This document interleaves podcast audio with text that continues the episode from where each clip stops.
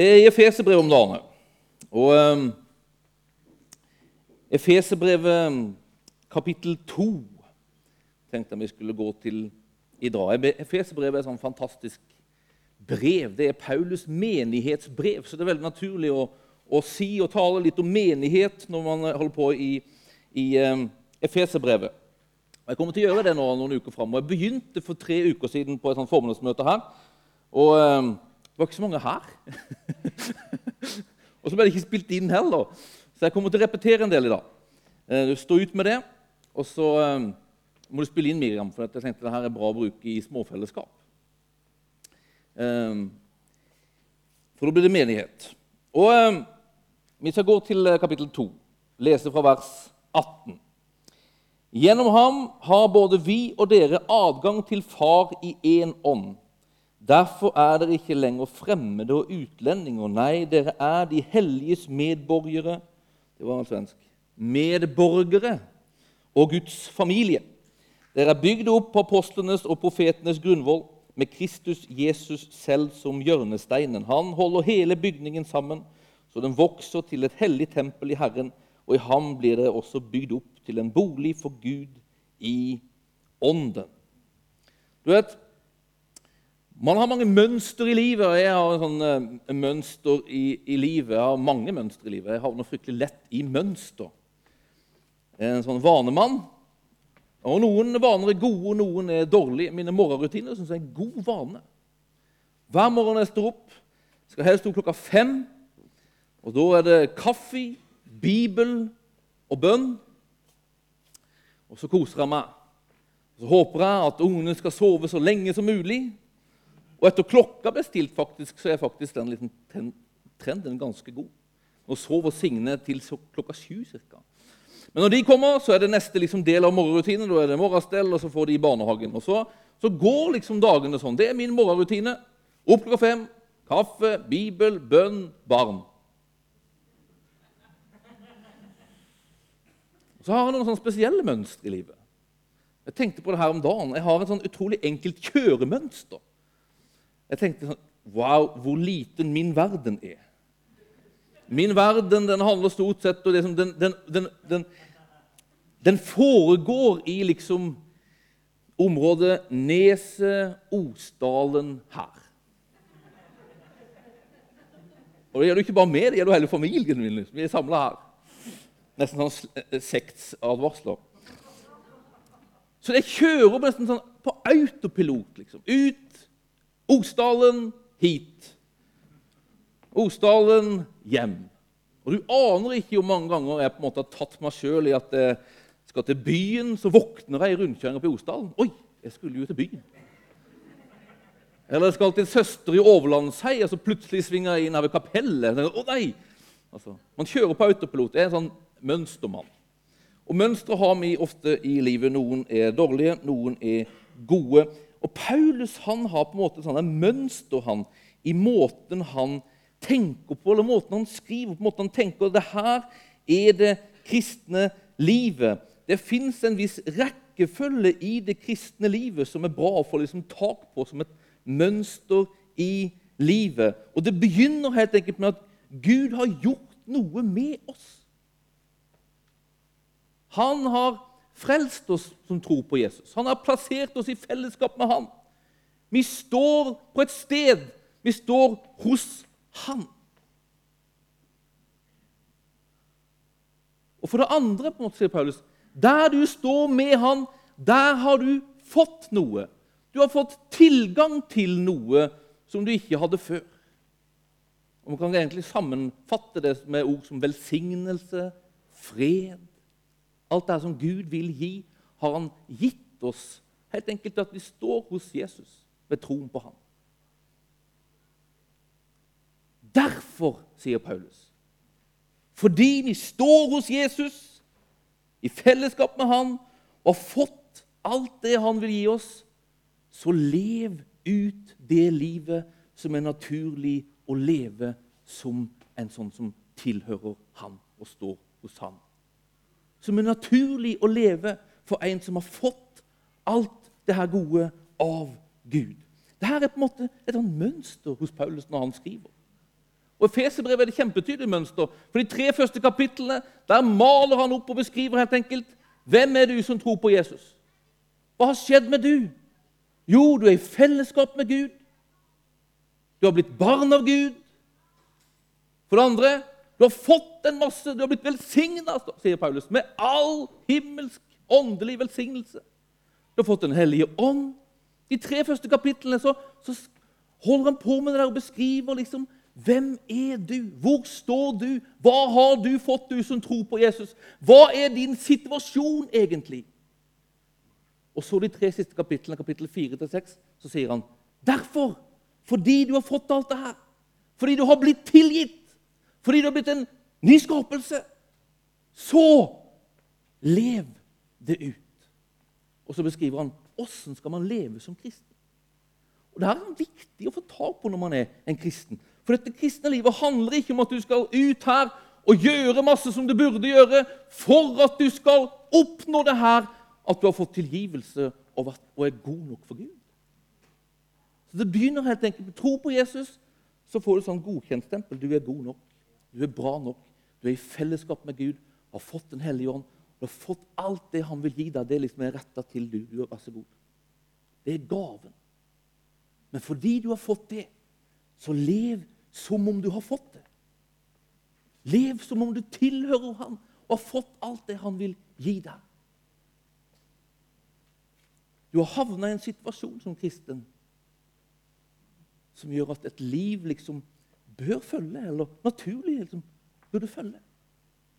Altså Et eksempel på det her. Vi, vi sliter jo ofte med, med å liksom få tak på hva er liksom situasjonen vår. Hva er situasjonen for oss som er kristne? Hva er situasjonen for oss som mennesker, helt enkelt? Dette er min sønn. Og Det er ikke alltid måte han forstår på en måte den situasjonen han befinner seg i. De siste ukene og månedene så har han på en måte slitt med mygg. Helt enkelt blitt redd for mygg. Han har ligget i, i, senga liksom, og, og, tenkt på Og så har det vært en mygg på rommet hans av og til. Myggen, og så blir det myggen kjempefarlig og kjempestor. Og, og liksom, han, han, liksom ligger der med, med fluesmelleren. Her sitter han ved middagsbordet med fluesmelleren. I tilfelle det en mygg, så kan jo myggen stikke, og det er vondt, og det er farlig. Men jeg vet jo det at Theodor han er jo liksom større enn myggen. Han er sterkere enn myggen.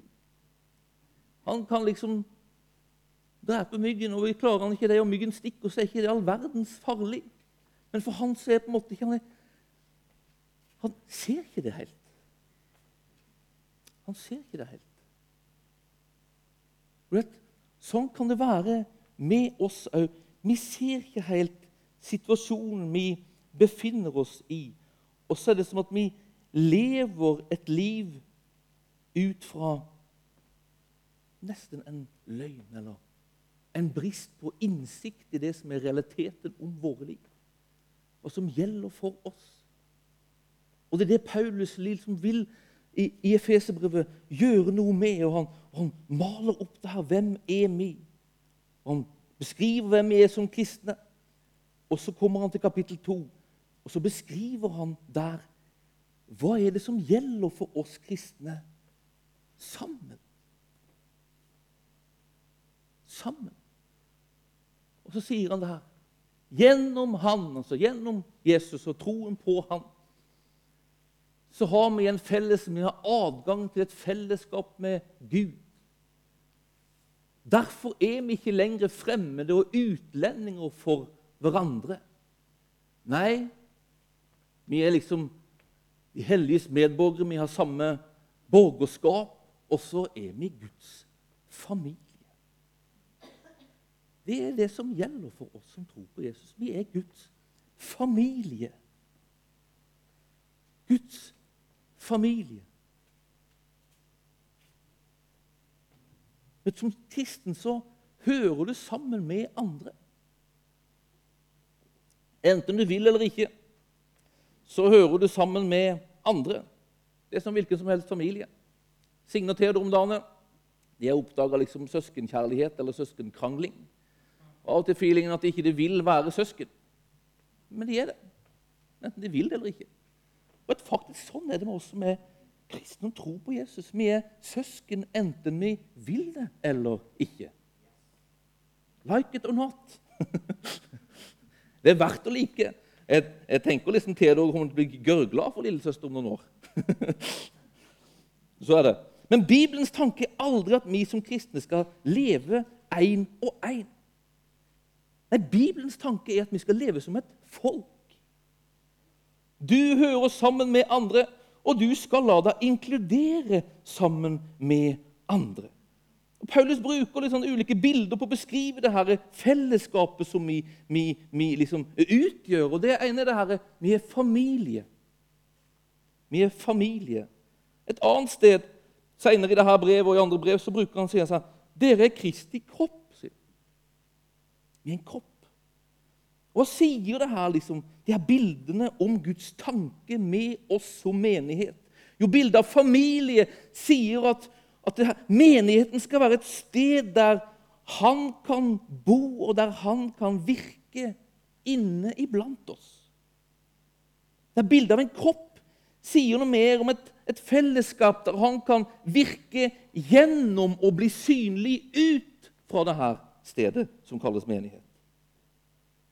Familie er liksom noe sånt internt, varmt sted der det finnes et fokus på hverandre. Mens kropp sier noe mer om at det skal være en bevegelse ut i retning av andre. Det er jo det kroppen gjør. ikke vel? Beveger seg, går, gjør noe. Jeg heter Mike Breen, han sier noe som jeg synes er utrolig beskrivende for tanken om hva er menighet. Han sier at We are a family on mission. Det er engelsk. Det betyr at vi er en familie på oppdrag. Og det her tror jeg egentlig liksom fanger liksom Paulus tanke om menighet i Efeserbrevet og de andre brevene. Jeg lærte meg å si det liksom jeg tenkte, Hva er menighet? Husker jeg tenkte gjennom det her. Så kommer liksom denne, denne beskrivelsen av menighet. At vi utgjør noe for å utføre noe. Vi utgjør et fellesskap for at vi som fellesskap skal utføre noe. Vi skal være en familie som gir Jesus en kropp for å utføre det han ønsker å utføre i vår verden. I dette tilfellet i Froland fremst, og så utover det. Vi utgjør noe for å utføre noe. Eller er vi en familie på oppdrag. Det er liksom situasjonen. Det er det vi er. Det er det vi er kalt til å være. Og så hopper Paulus da fra, fra denne liksom, situasjonen vår. Det er det vi er. Det er situasjonen vår. Så spør han hvordan skal vi da leve det? Hvordan skal vi leve ut det å være en familie på oppdrag? Hvordan skal vi leve ut det å være menighet? Og Da er det liksom noen, noen punkter der som jeg tenkte å ta oss gjennom de kommende ukene. Og Det første punktet er at vi gjør det. Vi lever ut det her ved å komme sammen og holde sammen. Begynnelsen av kapittel 4, når han liksom kommer inn på det her, hvordan skal vi da leve ut det her nye livet, den nye situasjonen? Hvordan skal vi leve ut det å være en familie? Jo, Bær over med hverandre i kjærlighet. Sett alt inn på å bevare denne åndens enhet dere har. Nærmest sett alt inn på å bevare denne familieopplevelsen.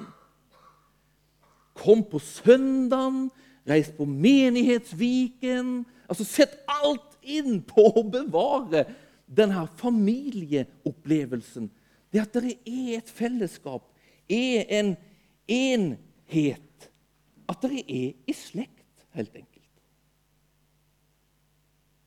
De fleste er enige om at en jordisk familie oppfyller nærmest sin hensikt av å være familie gjennom at det på en måte, man treffes. Gjennom at det her fellesskapet vi har Vi har inngått et ekteskap, kanskje. Vi har fått barn som er juridisk våre. Altså det her på en måte, det, Vi er en familie liksom per papir eller som juridisk så liksom, ses vi som en familie i, liksom, i, i, Norge. Men det holder liksom ikke. det. Skal familie være en sånn familie som den er tenkt og skal være, så, så må man treffes som familie. Så må man bruke tid sammen som familie. Først da så blir man det som familie skal være. En familie skal være et trygt sted. Jeg tror et familie skal være et sted som gir vekst. Jeg bruker, når jeg taler i bryllup, og sånn, så bruker jeg å si sånn, at ekteskapet handler egentlig om at den ene skal elske den andre bedre. Det handler om å, egentlig at to parter legger ned sitt liv for hverandre for å løfte den andre opp. Og Et sånt ekteskap er et himmelsk ekteskap. Det er vanskelig, men jeg tror det er kallelsen på å være et ektefolk. Jeg tror familien skal være et sånt sted som gir trygghet for barna, så de kan vokse opp og bli det Gud har tenkt. Et trygt sted, et varmt sted, der vekst blir resultatet. Og jeg tror faktisk at menighetsfamiliens hensikt er å skape vekst.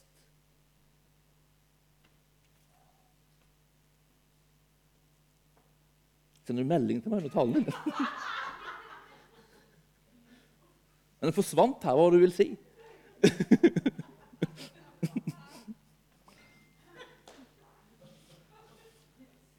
Jeg tror vekst er hensikten med, med den jordiske familien og med menighetsfamilien. Vekst. Tenk at når, når I apostlenes gjerninger, når det beskrives den første menigheten og beskrives den veksten som skjer der, så er fellesskapet løfta fram som som en av faktorene for vekst på linje med Bibelen, bønnen og nattverd. Fellesskapet skal gi vekst i våre liv. Hvordan kan de gjøre det? Jo, vi må leve ut det som er å være en familie, Guds familie, ved å komme sammen og holde sammen. Det skal bringe vekst i ditt liv. Men tenk på det at det skal jo på en måte bringe vekst for Guds hensikt. Altså, tenk på det når det gjelder menighet. At menighet det er din og min familie. Ja, det er din og min åndelige familie. Men som Lillian sa, det er jo Guds familie. Altså, Ha med det aspektet når vi tenker om menighet. Det er Guds idé. Det er hans familie. Det er hans kropp vi utgjør. Det er hans greie, liksom. Så det handler egentlig ikke alltid om at, uh, om at uh, hva kan menighet være for meg? Jeg vil være menighet hvis det gir meg noe. Altså, det er Guds verk. Å prioritere menighet ut ifra det at det her er faktisk hans verk. Det er hans familie vi skal bygge opp. Det er hans kropp vi skal bygge opp. Men holder det ikke da på en måte å være del av denne universelle menigheten som man har prater om. Denne, ja, vi er jo liksom, vi er jo, Når vi er kristne, så hører vi alle sammen. og Over alle landegrenser og nasjoner. og så er Vi på en måte, vi behøver vel ikke komme sammen og treffes. Vi hører jo sammen i ånden. bruker man til. Og nå liksom latterliggjør, latterliggjør jeg litt, men det, men det er jo en sannhet, det. altså. Men holder ikke det, da? Nei, de gjør ikke det. Det er en totalt fremmed tanke for Paulus og Bibelen at det skulle holde og sitte hjemme og ta til seg av taler på YouTube og lese Bibelen sjøl og på en måte oppfylle på en måte det som er tanken med menighet. Det gjør man ikke på den måten. Man gjør det ved at man kommer sammen i et fast fellesskap med faste mennesker på et konkret sted. Det er menighetstanken i Det nye testamentet. Og jeg vet at det her er på en måte ikke alltid frivillig for mennesker å på en måte ha problemer med å komme til en menighet og binde seg til en menighet. Jeg kjenner personlig mennesker som har, som har fått sår i menighetssammenheng. Som sliter med det, som har blitt såra av mennesker det har blitt trampa over i livet de sine. Så det fins gyldige grunner til å ha problemer med å komme og holde seg til en menighet. Men kallet på hver eneste kristen er allikevel i retning av en menighet. Gud ønsker, selv om du har sår i livet, selv om du har elendige erfaringer med mennesker i, i, i menighet, så er Guds kall på livet ditt og ønsket med livet ditt å føre deg inn i fellesskap med mennesker. Han ønsker å lege ting i livet ditt. Han ønsker å rette opp igjen ting i livet ditt som gjør det mulig for deg å, å nærme deg mennesker igjen. Nærme deg trossøsken igjen. Nærme deg det å kunne, kunne, kunne liksom hengi deg til et fellesskap. Nærme deg det å stole på mennesker igjen. Så Gud har en tanke og ønske med det. Og i det fins det jo en utfordring til oss som menighet å være et sånt fellesskap der mennesker med sår fra tidligere kan komme der det kan være trygt nok, varmt nok, omsorgsfullt nok til at mennesker kan våge å si 'Her ønsker jeg å stå. Her ønsker jeg å være, og her ønsker jeg å være med og bygge Guds familie. Her ønsker jeg å være trofast, for trofasthet er en sånn nøkkel når en familie skal bygges.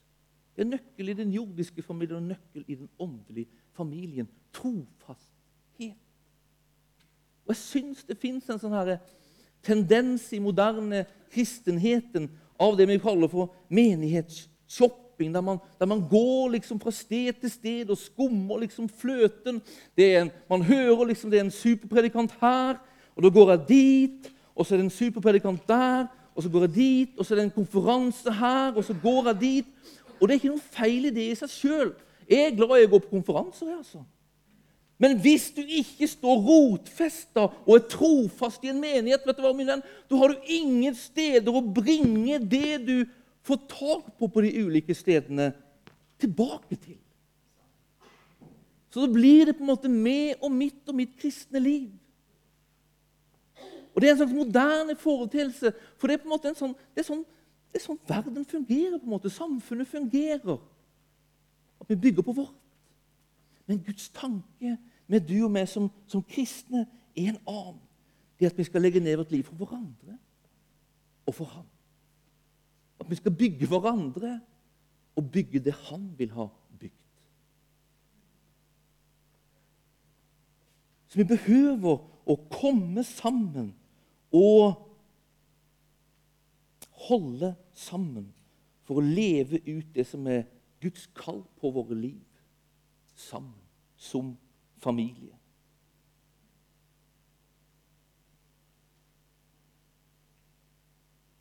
Det andre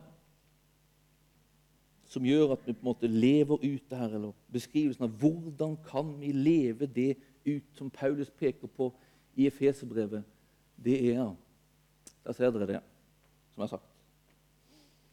Det er altså Bibelen på at det er vekst liksom, som er hensikten med fellesskapet bygge opp, gi vekst. Det andre er helt enkelt ved at vi bidrar sammen. Det første var at vi kommer sammen og holder sammen.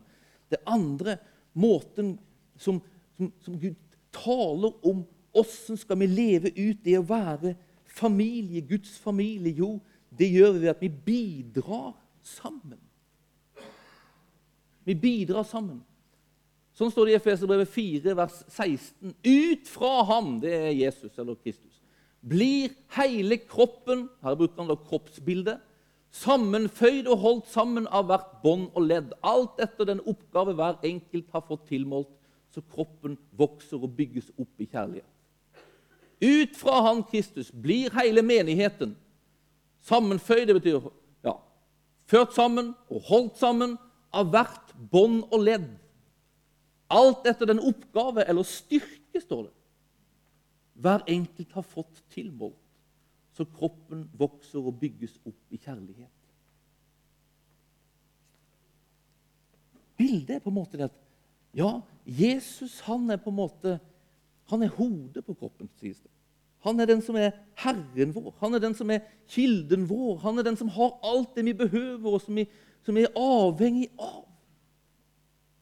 Ja, han må få bygge menigheten sin. Han må få være den som styrer, han må få være den som, som liksom bringer vekst og alt det. Ja, men han gjør det gjennom at han gir av det han er, og det han har, til enkelte mennesker. Enkelte troende. Han gir av sin styrke.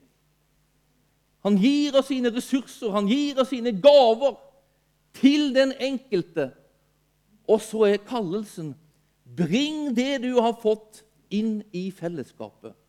For menigheten, sier han, vokser og bygges opp helt enkelt ved at hver enkelt kommer med det han har fått. Kommer med den du er. Kommer med dine gaver. Kommer med dine ressurser.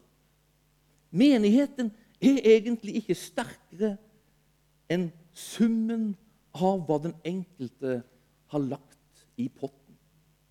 Det er det Paulus prater om her. Menighetens styrke ja, den kommer ifra Jesus, men den kommer på en måte gjennom mennesker. Jesus har gitt av seg sjøl til den enkelte troende. For at den enkelte troende skal bygge opp fellesskapet. Når Paulus prater om nådegaver og gaver som er mer naturlige, så kobler han det alltid med menigheten, med kroppen. Hensikten med dine nådegaver, hensikten med dine naturlige nådegaver, de du er født med å ha, hensikten med de åndelige nådegavene som vi skal trakte etter, sier Paulus, det er aldri at du skal liksom bli stor og løftes opp og bli wow, the big guy. Hensikten er alltid at det skal bringes inn og tjene fellesskapet. For at de andre skal bygges opp, og hans familie og hans kropp skal bygges opp. Så hvordan skal vi leve ut det å være menighet? Hvordan skal vi bli sterk, en, en sterk familie? Hvordan skal vi gjøre Jesus synlig i bygda vår ved å være hans kropp? Jo, ved at den enkelte kommer stiller seg der og bidrar med det den har. Det er Paulus sin vei.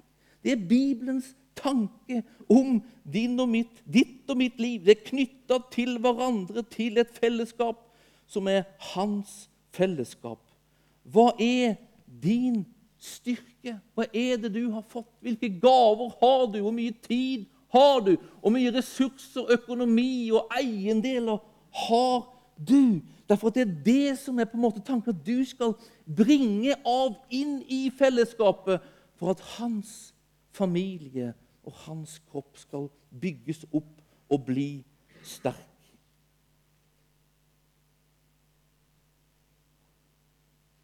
Tanken liksom, når det gjelder ditt liv, når det gjelder menighet, det er ikke at menigheten er til for du bare. Men det er mye mer egentlig at du er til for dem. Det finnes en sånn eh, frase når det gjelder amerikanske presidenter. Jeg vet ikke hvor reelt det er, men, men fall, Eddie Murphy kjørte jo det i sin Vår mann til Washington.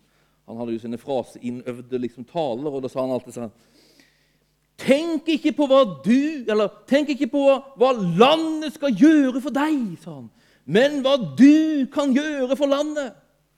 Og Det er egentlig på en måte en bibelsk liksom, måte å forholde seg til menigheten. Tenk ikke på hva menigheten kan gjøre for deg, men tenk på hva du kan gjøre for menigheten.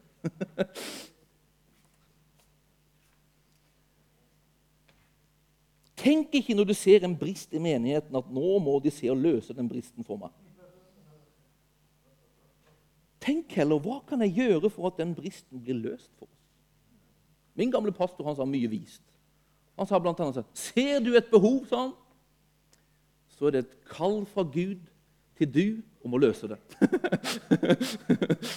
det er veldig enkelt, men altså, det er noe i det, altså. Det er noe i det. Men veldig lett så setter man bedømmer, og så sitter vi der og sier nå må de. og Verst er på en måte når familiesituasjonen liksom, blir at det er de. Du er en del av familien. Det er et stort oss et stort oss. Og vi er del av løsningen. Vi er del av hvor sterk vår menighet faktisk er, ved at vi bringer inn oss sjøl i det.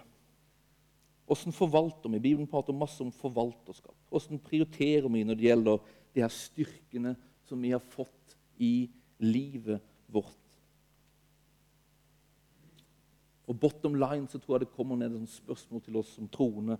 Hvilken plass har menigheten i vårt liv? Hvor mye er den med på å bestemme mine prioriteter? Hvor jeg legger tida mi, ressursene mine? Hvis det her er Guds familie, hvis det her er hans kropp, hvis det her er et redskap han har utvalgt for at han kan få bringe vekst inn i den enkelte Hvis det er et redskap han har valgt for at han skal få bli synlig og få være virksom i vår verden, hvilken plass gir vi den? Og mye av vår styrke bringer vi inn i den i forhold til hvor mye styrke vi bringer inn i det å bygge vårt eget liv. Bibelen taler masse om forvalterskap, om å søke Hans rike først. Om hvordan vi skal forholde oss til penger og det materielle, sånn at det ikke får herrevelde i livet vårt. Om å sette andre foran seg sjøl, som egentlig er en stor, stor hemmelighet i livet. Og at jeg tror på det å bygge et eget hjem, jeg tror på å bygge sin egen familie, jeg tror på å prioritere ekteskap. Jeg tror på å prioritere barna våre. Altså, Jeg tror at det første du og vi er kalt til å elske som kristne, det er våre nærmeste. Det er våre ektefeller, det er våre barn. Og de første som vi er kalt til å gjøre til Jesu etterfølgere, er våre egne barn. Men allikevel bruker vi ikke i dagens Norge, liksom, i dagens menighet i Norge, fort mye tid, kraft og ressurser på å dekke våre egne behov. Og er egentlig det her vi kaller for våre behov, ikke mer våre egne begjær? Altså, det her er, her er sånn ransakende ord. Og jeg, jeg, jeg, liker det her å ransake mitt eget liv, og jeg, derfor så håper du òg gjør det. Har vi helt enkelt jeg har stilt meg det spørsmålet, satt oss i en økonomisk situasjon der det mer og mer kreves at vi bruker all vår tid og all vår kraft på jobb? Noe som faktisk kan true både vår jordiske og vår åndelige familie. Lever vi helt enkelt ut denne sannheten at vi som troende har blitt et stort oss, har blitt Guds familie? De første kristne det beskrives som at de levde sånn. Alle de troende holdt sammen og hadde alt felles. De solgte eiendommene sine og det de ellers eide, og delte ut til alle ettersom hver enkelt trengte det. Hver dag holdt de trofast sammen på tempelplassen og i hjemmene. Brøt de brød og spiste sammen med oppriktig og hjertelig glede, står det. Og Nå kommer ikke jeg liksom til her og sier sånn Nå skal vi i Froland misjonskirke selge alt vi eier, og legge det inn på pastorens kontor, og så skal Det er ikke tanken her, altså. Men jeg tenker litt Er det her liksom bare en slags noe de holdt på med den første tida, som de etter hvert bare liksom rista på hodet? Altså, det der har ingenting for seg. Eller er det noe i det, noe utfordrende for oss i dag? Av det helt enkelt å helt enkelt åpne livet våre for hverandre. Gjøre livet våre tilgjengelige for hverandre. Jeg tror at det finnes en slags kallelse på det å være familie, at vi stiller livet vårt til disposisjon for hverandre, iallfall i større grad enn det vi gjør i dag. For det viser seg jo på en måte at det er ikke bare noe som liksom går over det der. Det fortsetter. Så når de kristne beskrives nesten liksom 200 år etter, så er det her beskrevet av en som ikke er kristen, som heter Lukius.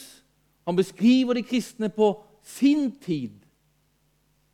For disse stakkarene, kaller han dem, er overbevist om at de vil bli udødelige og leve evig. Så de til og med forakter døden. Ja, De fleste av dem lar seg endog frivillig arrestere. For deres første lovgiver, det er Jesus, lærte dem at de alle er brødre. Når de en gang for alle har tatt det avgjørende skrittet ved først å avsverge grekernes guder og dernest tilbe denne korsfestede sofisten og leve etter hans lover. Derfor forakter de alt annet og betrakter uten forskjell all eiendom som felles. Det her er 200 år etter. Det holdt i seg, det der. Det fantes noe i den første kristne menigheten av det å leve ut et fellesskap som familie, som inkluderte å stille livet sine disponible for hverandre. Der de sterke stilte seg tilgjengelig for de svake. Der de rike stilte seg tilgjengelig for de fattige. Og det fantes en sånn utjevningstanke. Der vi skal hjelpe hverandre, støtte hverandre, bidra inn i hverandres liv, bygge opp hverandre. Hvorfor?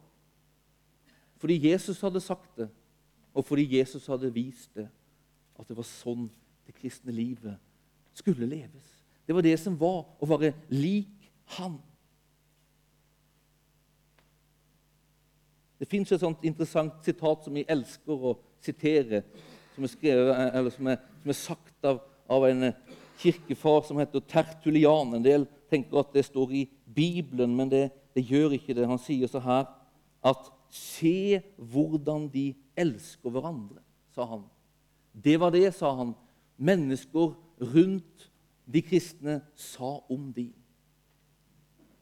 De sa 'se åssen de elsker hverandre'. Og Det er veldig fint. Veldig bra. Men resten av sitatet siterer vi veldig sjelden. For resten av sitatet sier 'se hvordan de elsker hverandre' og er rede til å dø for hverandre. Det er den kjærligheten som preger de første kristne. En familiekjærlighet. Jeg tror at det fins en kallelse på våre liv å leve ut våre liv som familie. Der kjærligheten og omsorgen uttrykker seg ikke bare i fine ord, men òg i fine ord. Men òg i praktisk handling. Der vi gir til hverandre. Der vi støtter hverandre. Der vi bringer våre liv kan man si seg, inn i fellesskapet for at fellesskapet skal bringe vekst til mer enn bare meg. Men fellesskapet, den enkelte, og ytterst sett bringe vekst til det Gud har tenkt, nemlig at han skal få, en, få ha en familie. Og han skal få en kropp som bringer han ut til mennesker rundt oss. Jeg tror Guds hjerte skal leves ut i menigheten. Denne omsorgen, denne favnen, det er familien. Og så tror jeg at kunnskapen om ham skal bringes ut i denne verden gjennom denne familien. Vi er en familie, skal bygge en familie, men vi er en familie på oppdrag. Og Det er det tredje punktet, som ikke kommer i dag, men som kommer neste gang. At vi ikke bare er kalt til å komme sammen og holde sammen, vi er ikke bare kalt til å bidra sammen, men vi er også kalt til å gå sammen. Hvordan var det her livet mulig for de første kristne? Jo, helt enkelt ved at de hadde erfart ham. De var her. Det var ikke sånn at de levde det her familielivet for at de skulle bli gode nok for Gud. og liksom, nå er Gud fornøyd med oss. Nei, de var her. De hadde fått tilgivelse. De hadde fått møte Han som elsker. De ble givere helt enkelt fordi de hadde erfart Han som er den store giveren, som ga sitt liv. De elska helt enkelt fordi de var ramma av Han som elska først. De levde et radikalt fellesskap, et liv i familie, fordi de var ramma av den ånd som fører oss sammen, og som gjør at vi erfarer et genuint fellesskap med Han som er vår alles far, og Han som er vår alles frelser og Herre Jesus Kristus. Og Jeg tror at det er nøkkelen til at vi skal kunne leve det livet de levde. At vi får smake det av ham, for så gi det videre. Men det er en kallelse. Jeg tror det er en sånn retning Gud har for oss som menighet, og alle andre menigheter. Det å leve ut den realiteten det er at vi er Guds familie og hans kropp i denne verden. Amen. Himmelske Far, vi takker deg for at det er situasjonen vår. Og vi ber at du skal hjelpe oss å forstå det. Gi oss en erfaring av det ved din ånd, Herre. Erfaring av din kjærlighet. Hjelp oss å se, Herre, at du har gitt alt for oss. Sånn at vi kan gi alt. Sånn at vi kan gi mer. Sånn at vi kan gi av oss sjøl, Herre, til hverandre og til du. For vi kan ikke det i oss sjøl. Vi er avhengig av din hjelp og din kraft for å gjøre det. Gjør oss til et folk som erkjenner at vi er avhengige, som ser i bl.a. det her at det fins en kallelse på våre liv som er langt større enn en oss sjøl, og langt større enn hva vi kan oppnå sjøl, Herre. Herre, gjør oss avhengig av du. Kom du og møt oss og sett oss i stand, Herre, til å leve et liv, Herre, som er verdig, og som ligner det livet som du har tenkt at vi skal leve. Som din familie, som din kropp i denne bygda. I Jesu navn. Amen.